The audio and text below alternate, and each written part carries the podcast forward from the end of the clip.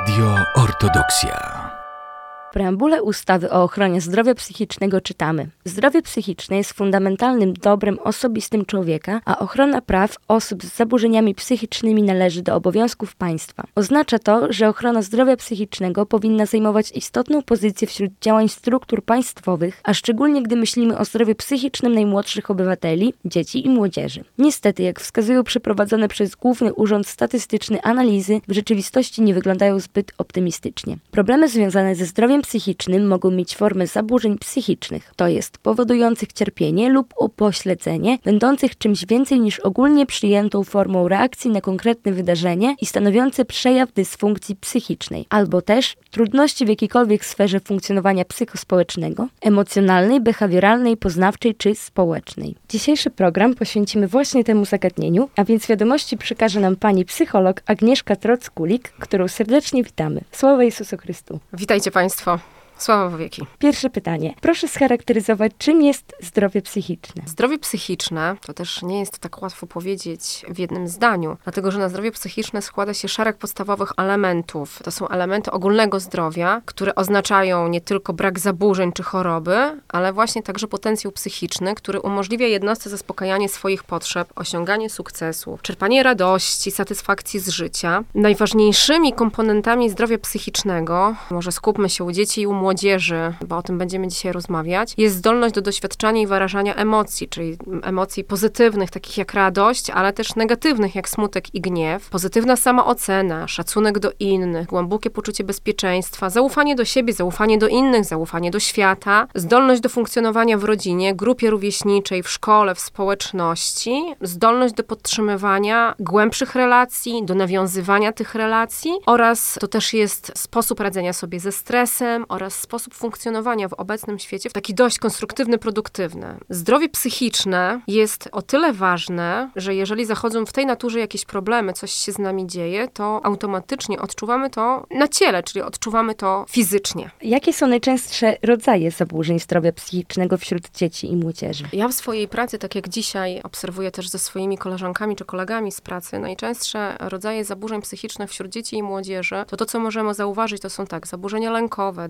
depresyjne, zaburzenia odżywiania. Spotykamy się w dużej mierze z ADHD, zaburzenia emocji, zaburzenia opozycyjne, buntownicze zaczynają nam się pojawiać. Oczywiście to też są znane autyzm, Asperger, przeróżnego rodzaju zaburzenia rozwojowe, zaburzenia emocji, specyficzne rozwojowe zaburzenia uczenia się, czyli różnego rodzaju dysleksje, dyskalkulie, e, zaburzenia lękowe, tak jak powiedziałam na samym początku, i depresyjne. Ostatnio w dużej mierze zauważamy, że jest to większość problemów, z którymi zgłaszają się do nas nastolatkowie oraz rodzice dzieci. Zaburzenia odżywiania też, tak jak zauważyliśmy ostatnio, wysuwają się na dość jedną z wyższych pozycji, jeżeli chodzi o zaburzenia wśród dzieci i młodzieży. Wszystko to się bierze z czasu, w jakim żyjemy, współczesny świat, problemy w rodzinach, problemy w grupach rówieśniczych, nieakceptowalność ze strony rodziców, nieakceptowalność ze strony kolegów, koleżanek. No i tak jak powiedziałam też wcześniej, autyzm, Asperger to są zaburzenia neurorozwojowe, z którymi też się dość często spotykamy w swojej pracy. Jakie są czynniki ryzyka zaburzeń zdrowia psychicznego dzieci i młodzieży? I mam tu na myśli czynniki biologiczne i czynniki psychospołeczne, takie jak rodzina, szkoła, grupa rówieśnicza. Jeżeli chodzi o czynniki ryzyka zaburzeń zdrowia psychicznego wśród dzieci i młodzieży, to tak jak już pani na samym początku powiedziała, no możemy je podzielić na te biologiczne i te psychospołeczne. Biologiczne, jak sama nazwa wskazuje, biorą się z genetyki, z paragenetyki, ale również mogą wystąpić na skutek urazów, chorób, niedoborów, witamin. Badania wskazują, że pojedyncze geny rzadko są odpowiedzialne za zaburzenia psychiczne. Zaburzenia psychiczne, które są genetyczne, to zaliczamy do nich m.in. schizofrenię, choroby afektywne, choroby dwubiegunowe, autyzm. Jednak, tak jak powiedziałam, no pojedyncze geny nie są za to odpowiedzialne, więc dochodzi do po prostu do szeregu mutacji genów, które później wpływają na to, że mamy predyspozycję do zachorowania na te choroby psychiczne. Ale jeżeli chodzi też o czynniki biologiczne, to warto też dodać, że nie tylko ma znaczenie tutaj jakby genetyka, ale również przebieg ciąży. Czyli jeżeli matka podczas ciąży spożywała alkohol, paliła papierosy, brała narkotyki, to dochodzi właśnie do nieprawidłowego rozwoju płodu. Jeżeli, tak jak powiedziałam o tym alkoholu, mamy tak zwane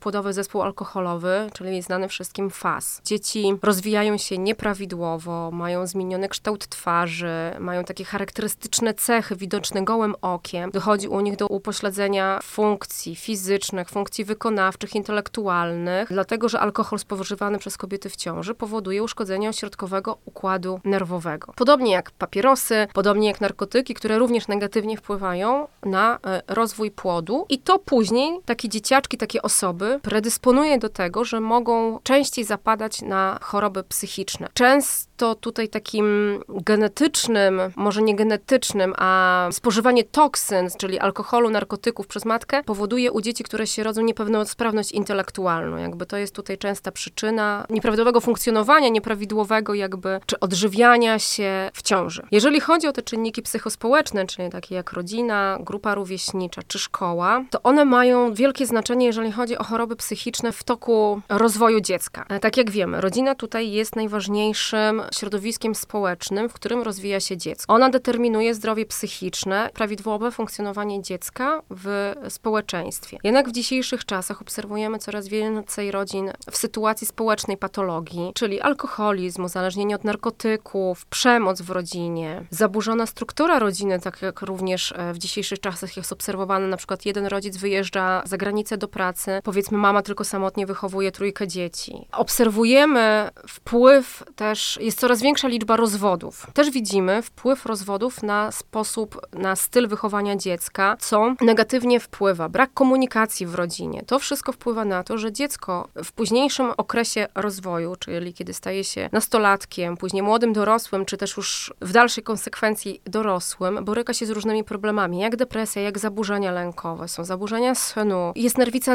natręstw, jest nerwica w ogólnym znaczeniu tego słowa. Podobnie dzieje się w szkole i w grupie rówieśniczej. Jeżeli dziecko doświadcza przemocy rówieśniczej, jeżeli ma poczucie zagrożenia fizycznego albo psychicznego, może to skutkować, tak jak też wcześniej powiedziałam, rozwojem zaburzeń lękowych, obniżeniem samooceny, poczucia własnej wartości. Mamy rozwój depresji, pojawiają się próby samobójcze. Dzieci sięgają po alkohol i narkotyki. Więc jakby tak kończąc, to na zdrowie psychiczne ma zarówno ta biologia, czyli te czynniki biologiczne, jak również te czynniki psychospołeczne, najbliższe nam, czyli rodzina i grupa rówieśnicza. Sygnały wyczerpania psychicznego. Czy są jakieś oznaki świadczące, że nasza psychika jest w kiepskiej kondycji i trzeba szybko jej pomóc? Jeżeli nasza psychika zaczyna się wyczerpywać, mamy jakieś takie trudności, to nie tyle ona sama da o sobie znać, tylko daje nam znać o tym nasze ciało. Czyli jeżeli coś się dzieje z psychiką, to nasze ciało daje nam o tym znać. Pojawiają się bóle głowy, pojawiają się migreny, problemy ze snem, zaburzenia odżywiania,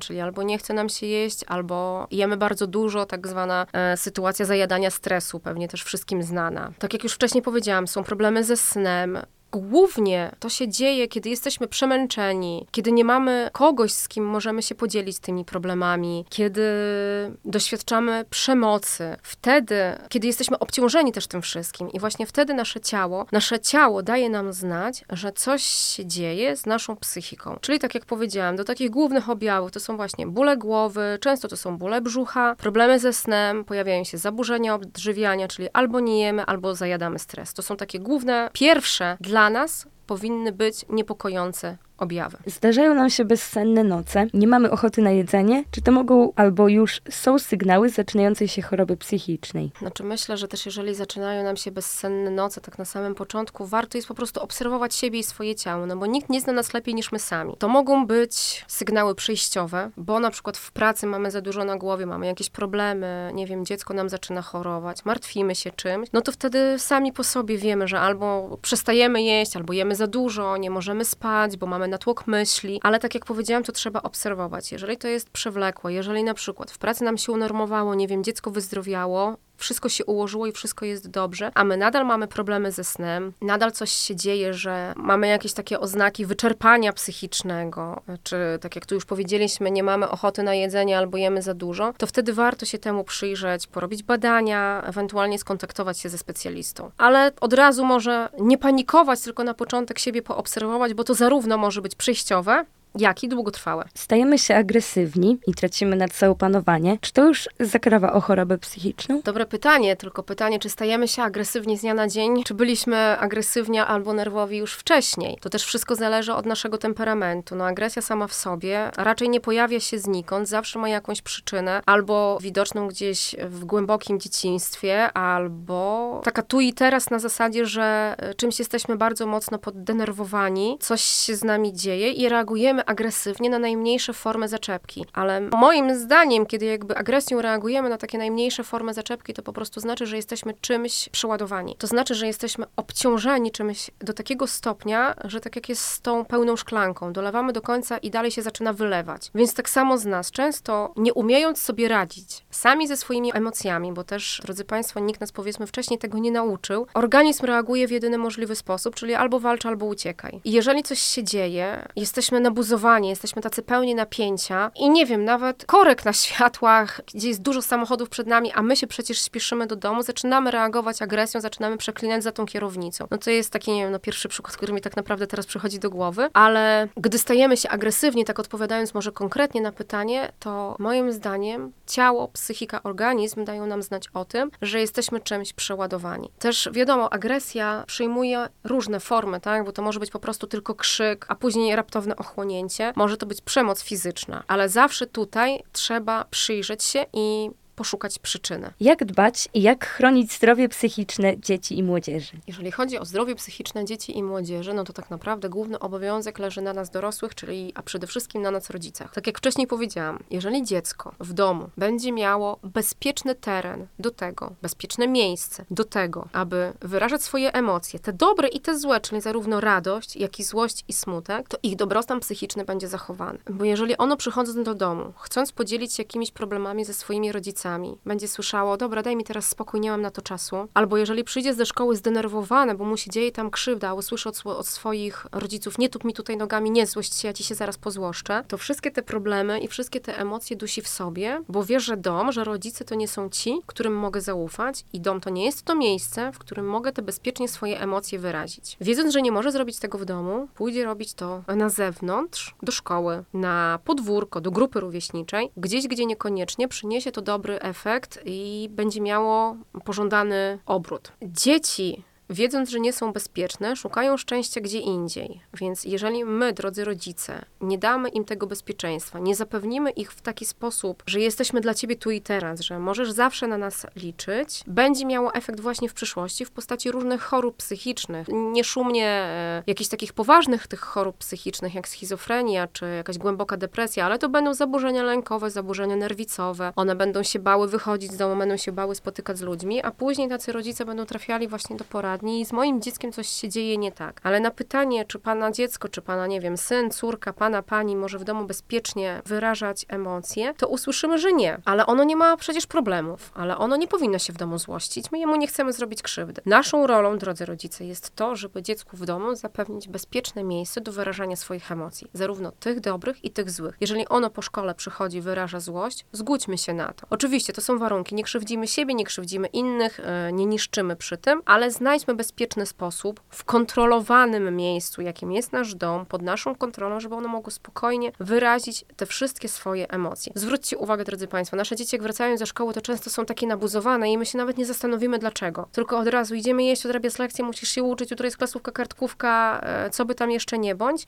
ale nikt tak naprawdę nie pyta tego dziecka, co się stało, czemu jesteś taki zdenerwowany. A one, uwierzcie mi, naprawdę wam o tym opowiedzą. Jeżeli nie od razu, to za chwilę przyjdą i powiedzą, bo zobaczą, że mogą nam zaufać. Do jakich specjalistów powinniśmy się udać w celu zachowania dobrego zdrowia psychicznego naszych dzieci? No to są psychologowie, to są psychoterapeuci. W skrajnych przypadkach, już w takich mocno zaawansowanych, to są też psychiatrzy. Psycholog jest jakby takim pierwszym człowiekiem kontaktu, że tak powiem, do którego możemy się zgłosić. Tak jak właśnie wcześniej mówiłam, w naszej poradni też można się zgłaszać bez skierowania z ulicy. Możemy przyjść, powiedzieć, że coś się dzieje, że coś jest nie tak, coś nas niepokoi w zachowaniu dziecka, bo my jako rodzice też, pamiętajcie, znamy najlepiej nasze dzieci i widzimy, że nie wiem, miesiąc temu zachowywało się inaczej, dzisiaj się zachowuje inaczej, coś nas niepokoi, jest to dla nas trudne, więc przyjdźmy o tym, opowiedzmy. To równie dobrze może być też lekarz rodzinny, jeżeli niepokoją nas jakieś takie objawy somatyczne, tak? Bo tak jak już wcześniej powiedziałam, psychika nam najczęściej daje znać o sobie w postaci objawów somatycznych, czyli objawów widocznych na naszym ciele. Ale jeżeli chodzi o samo zdrowie psychiczne, no to jest, tak jak powiedziałam, psycholog, psychoterapeuta, ewentualnie już psychiatra. Gdzie i u kogo szukać pomocy dla osób dotkniętych chorobą psychiczną? A jeżeli to są osoby dorosłe, to są psychiatrzy dla dorosłych, to są poradnie zdrowia psychicznego. Dla dzieci i młodzieży, to tak jak też powiedziałam, w naszym kraju są tworzone teraz te poradnie zdrowia psychicznego, centra zdrowia psychicznego właśnie dla osób i młodzieży. Są dostępne już, tak jak obserwujemy, w coraz większej liczbie powiatów. U nas to jest Bielsk, Hajnówka, Siemiatycze, więc też tak dookoła siebie mamy, przynajmniej po jednej takiej jednostce. Jest też telefon zaufania. Numer można znaleźć w internecie. Można się tam też zgłosić z różnymi rodzajami problemów. To też jest niebieska linia, pod którą można dzwonić. Dzisiaj tak naprawdę, drodzy Państwo, jest trochę tych telefonów zaufania. To są właśnie telefony w, dla osób w kryzysie psychicznym. Jeżeli na już i w tej chwili nie jesteśmy w stanie znaleźć pomocy